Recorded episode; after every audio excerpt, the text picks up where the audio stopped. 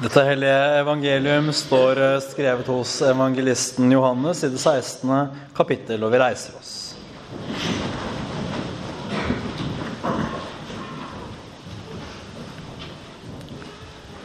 Når en kvinne skal føde, har hun smerte fordi hennes time er kommet. Men når hun har født barnet, minnes hun ikke sin trengsel mer i glede over at et menneske er født til verden. Slik har også dere smerte nå, men jeg skal se dere igjen. Og deres hjerte skal glede seg, og ingen tar deres glede fra dere. Og på den dagen skal dere ikke spørre meg om noe. Sannelig, sannelig, jeg sier dere, alt det dere ber Faderen om, skal han gi dere i mitt navn. Hittil har dere ikke bedt om noe i mitt navn. Be, og dere skal få, for at deres glede kan være fullkommen. Slik lyder det hellige evangelium.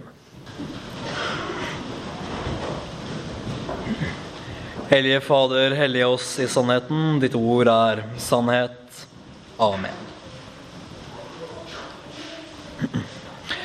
Jeg må begynne med å si noen eh, ord om eh, dette bildet som eh, Jesus bruker, nemlig denne fødende kvinnen. Dette er et bilde som profetene ofte bruker. Å sammenligne noe vanskelig, det å ha det vondt eller være ved mismot. Å sammenligne dette med fødselssmerter det er et bilde som ofte går igjen hos profetene. Og Jesus han utdyper dette for å vise hvorfor dette er et godt bilde på det. Fordi smertene forutgår gleden. Nå skal ikke jeg stå her og late som om at jeg kan den fjerneste ting om dette med fødselssmerter og sånne ting. Det er ikke det dere må tro at jeg står og sier, for da har dere mest sannsynlig lukket ørene for lenge siden. Men i min eh, skal vi si, uvisse naivitet så vil jeg mene at Jesus bruker et godt bilde. For man må gjennom denne smerten det er å føde, for å kunne oppleve gleden det er å bli mor. Så enkelt er det jo. Og så bruker Jesus ganske, egentlig ganske kraftige ord her. Det er ikke sånn at han uh, sier at gleden den blir så stor at smertene de blir ingenting i forhold, eller at gleden er så kraftig at smertene minsker. Nei, han sier at smertene blir glemt. Eller at denne kvinnen han bruker i sin lignelse, at hun minnes ikke smertene lenger. Så stor er denne gleden. Det er klart at dette er en eh, lignelse. Jesus taler i bilder, og dette bildet her er jo ikke tilfeldig valgt. Vi kan tenke oss det at Når profetene talte i denne type lignelser, skulle de trøste Israel. Og Jesus har også noen han må trøste. Jesus var nødt til å trøste disiplene sine. For Jesus han visste hva han gikk til. Han visste hvor han var på vei. Han visste alle tings utgang. Han visste om korsfestelse, og han visste om oppstandelse. Men disiplene, om enn Jesus fortalte dem mye, så var det så mye de ikke skjønte. Disiplene måtte trøstes. Og Jesus må langt på vei også trøste oss. Og det er jo det som er så fint med Bibelen, med Guds ord som vi har hos, hos oss i dag. Nemlig at vi som lever 2000 år etter at Jesus vandret, og kan kjenne at denne avstanden i tid kan være vanskelig. Så kan vi finne trøst til oss selv i Bibelen også i dag. i et budskap som er like relevant nå som det var da. Men hvorfor er denne trøsten nødvendig nå, kan vi jo spørre oss om. Og Hvis vi leser hele kapittel 16, og det skal vi ikke gjøre nå, men da kan vi nesten lese det som en oppsummering av hvor galt det kan være, eller hvor galt det skal bli. Og Jesus maler med ganske bred pensel hvor ille det faktisk skal bli for de kristne. Han sier at disiplene de skal støtes ut av synagogene. Det kunne de kanskje levd med, men så sier han en ting som er enda kraftigere, nemlig at de skal bli forfulgt og drept, og at de som slår dem i hjel, tror at de skal gjøre Guds gjerning. Så galt skal det altså bli for de første kristne. Og ser vi på historien, så ser vi at ja, så galt ble det faktisk. Men at kristne skal ha det vanskelig, det er verken nytt eller overraskende. Men en liten tid så har vi jo nå hatt det såpass godt som kristne i vår del av verden at vi kan ha glemt dette. Vi kan ha glemt hvordan det sto til med de første kristne. Og vi kan glemme hvordan det står til med kristne i store deler av verden. Et kall til å bli en kristen, det er også et kall til å følge den korsfestede på den veien han måtte gå gjennom lidelse, utstøtelse og død. Det kjenner vi kanskje ikke så mye på i vår del av verden. I store deler av verden er det fremdeles sånn.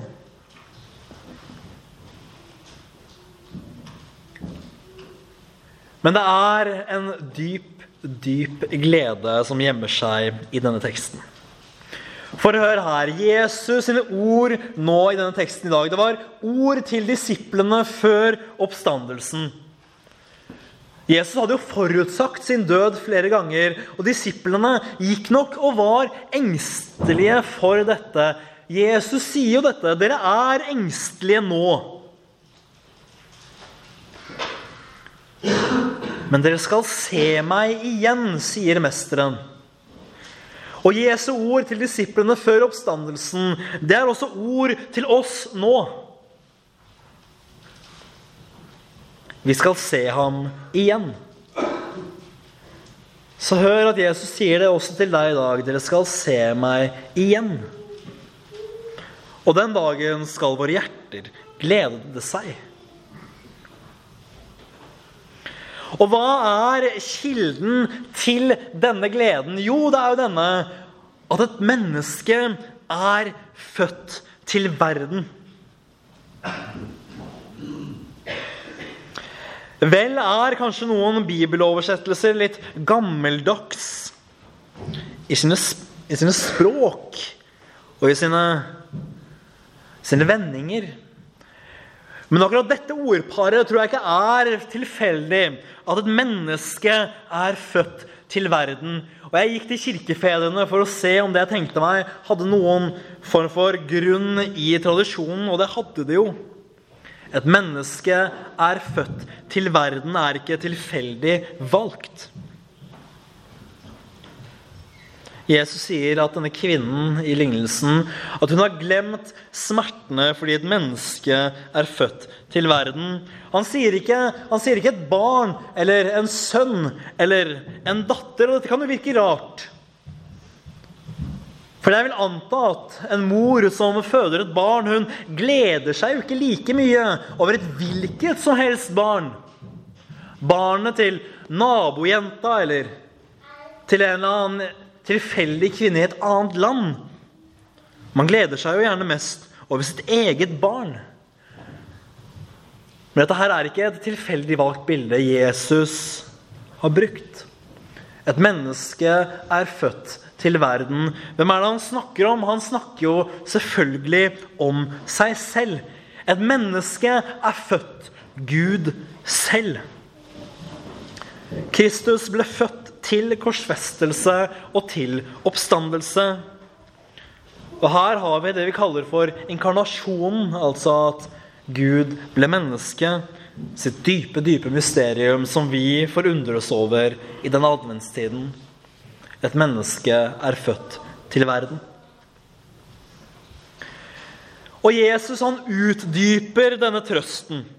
Han lover at smertene skal gå over til glede. Og dette her, det er en glede som ingen kan ta fra oss. Uansett hvor hardt de prøver, uansett hvor hardt de presser oss, så kan ingen ta fra oss gleden over vår korsfestede og oppstandende Herre. Og denne gleden skal vi få kjenne i dens helhet når vi ser Jesus igjen. Fordi her legger Jesus grunnlaget for den dypeste trøst. Når vi kjenner sorg, så kan han med denne trøsten fjerne sorgens bitterhet. Så må vi tenke oss det at pga.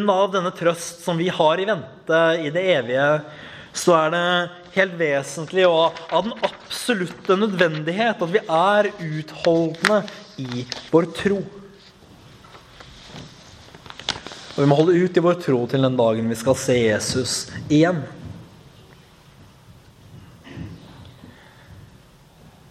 Jesus har noen andre ting han sier i denne teksten fra Johannes som vi leste, som kan virke litt underlig. Hva betyr det at det ikke skal være noe mer å spørre Jesus om? Så viser det seg slik at det greske ordet som er brukt her, det betyr to ting. Både å spørre om noe for å få svar, eller å be om noe for å få en ting. Begge disse to tingene betyr det. Og begge disse to tingene vil kunne være sant når vi ser Jesus igjen som han virkelig er. Da vil det ikke lenger være noe å spørre Jesus om, fordi da ser vi allerede alt klart og tydelig. Og det vil heller ikke være noe mer å be om. Fordi når vi ser Jesus igjen, da har vi alt vi skal behøve, fordi da er vi inne i saligheten. Da er vi inne i evigheten. Bare hør dette, og hør hvilket dype og gode håp dette er for oss som kirke. At det ikke skal være noe mer å lure på. Ikke noe mer å trenge. Fordi vi har allerede alt vi trenger. Og vi vet allerede da alt. For en lykke det skal bli å se Jesus igjen.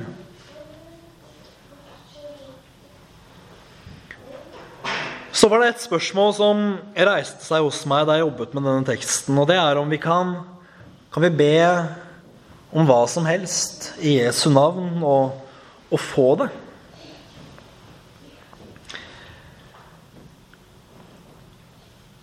Og jeg tror nok det er slik at uh, vi må ikke tro det. At vi kan be om hva som helst, altså da i betydningen hva som helst. Alt, alt, alt som finnes mellom himmel og jord.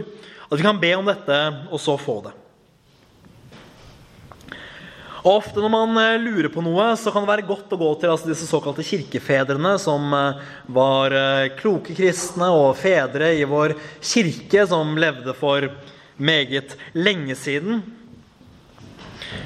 Og Der kan man finne at bare det som angår frelsen i positiv forstand, er det vi skal få. Altså Bare det som har positiv innvirkning på vårt gudsforhold, er det Gud vil innvilge.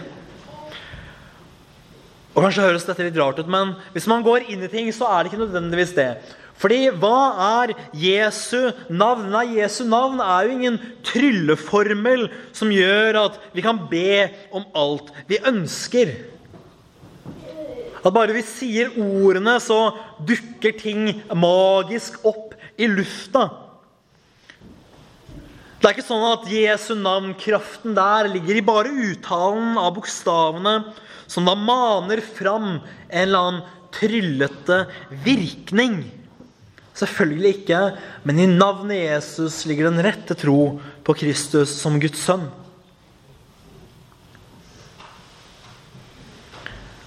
Og videre så hadde kirkefedrene tolket dette slik at den som har den rette tro, på Kristus, altså at han er Guds sønn fra evighet av, det er ikke veldig mer avansert, og ber om noe, får det hvis det ikke går på bekostning av saligheten. Vi kan si det så enkelt som at vi får når vi ber, hvis Gud i sin allmakt ser at det er rett at vi får. Og noen ting må vi også være klar over at kan nektes nå, for så å kanskje gis på et senere tidspunkt. Å bevege seg inn i bønnens mysterium, det er kanskje noe av det vanskeligste vi gjør.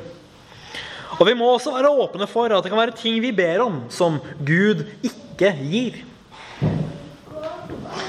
Så må vi faktisk spørre oss om Noen ganger ber vi om de rette ting. Går det an å be feil? Ja, langt på vei så gjør det jo selvfølgelig det. Altså, hvis jeg ber Gud gi meg ti koner, så er jo det absolutt å be feil. Bare for å ta et løsrevet eksempel. Det holder vel med én. Men det er viktig å vite om vi ber om de rette ting. For når Jesus sier at hittil har ikke disiplene bedt om noe i hans navn. Da kan vi forstå dette på to måter. Enten for det første at de ikke har bedt om noe i Jesu navn fordi de har ikke kjent Jesus sitt navn. Eller at med tanke på hva de burde ha bedt om, så regnes det de faktisk har bedt om, for intet. Og dette bør være en vekker for oss som ber. Vi må ikke la de tingene vi ber om, regnes som intet. Vi må be om den fullkomne glede og ting som leder fram mot denne gleden. Gledens fylde. Og denne fullkomne glede, det er den åndelige glede og ikke den kjødelige glede. Så kan vi tenke oss dette at alt vi ber om, det må kunne summeres opp i at vi oppnår denne glede. Og vi må be om dette i Jesu navn.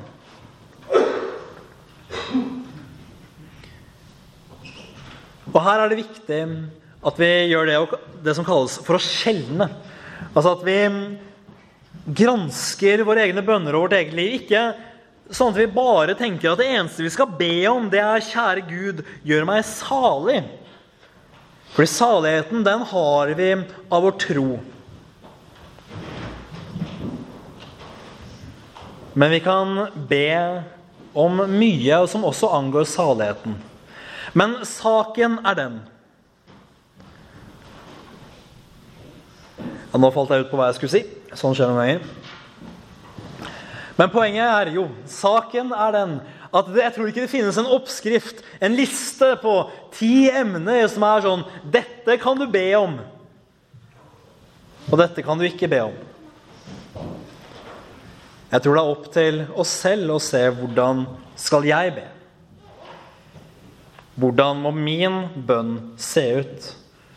Hva er det jeg trenger å be om i min gudsrelasjon? Og Hvis det er vanskelig å be, så har vi alltid Fader vår. Ber man Fader vår, så kan man ikke be feil.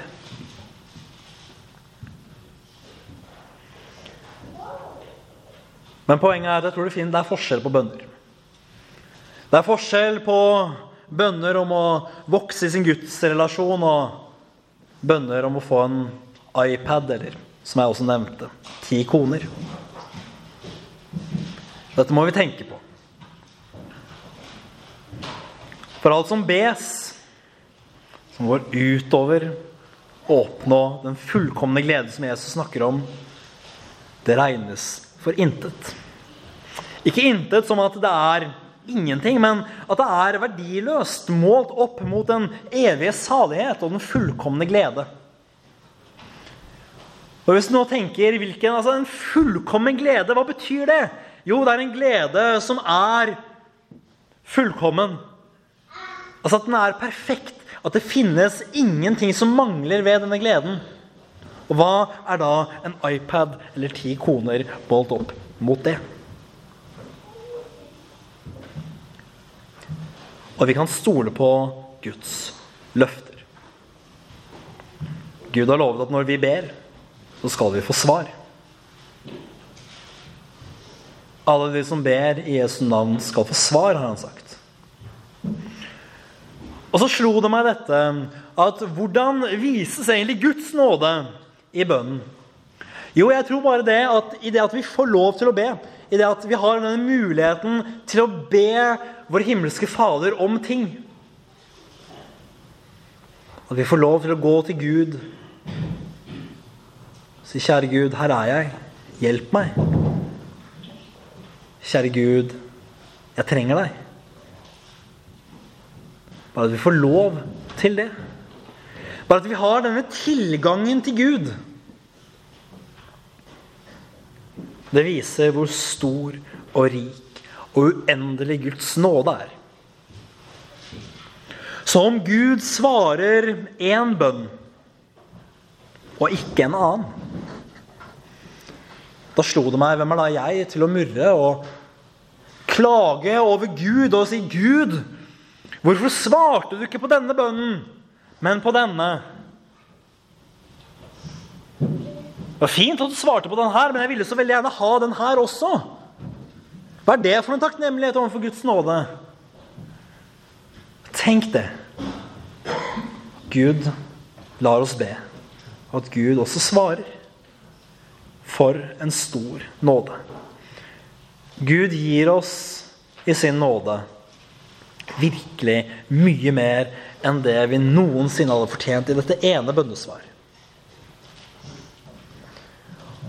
Og i dette så ligger det en stor og dyp rikdom. Og Jeg håper ikke at jeg rota meg bort i å gjøre noen redde for å be ved å prøve å si noe om å be rett eller galt. Det var absolutt ikke meningen. Og Derav er det viktig å huske at jeg tror ikke det finnes som sagt, en liste over noe som er rett og noe som er galt. Vi må se det an, og vi må vurdere det opp mot Skriften. Og vi må be vårt Fader vår for hva var det Jesus sa og gjorde? Og disiplene lurte på hvordan de skulle be. Jo, lær, lær oss å be, sier de. Og Jesus lærer dem Fader vår. Ære være Faderen og Sønnen og Den hellige ånd, som var her og blir en sann Gud fra evighet og til evighet. Amen.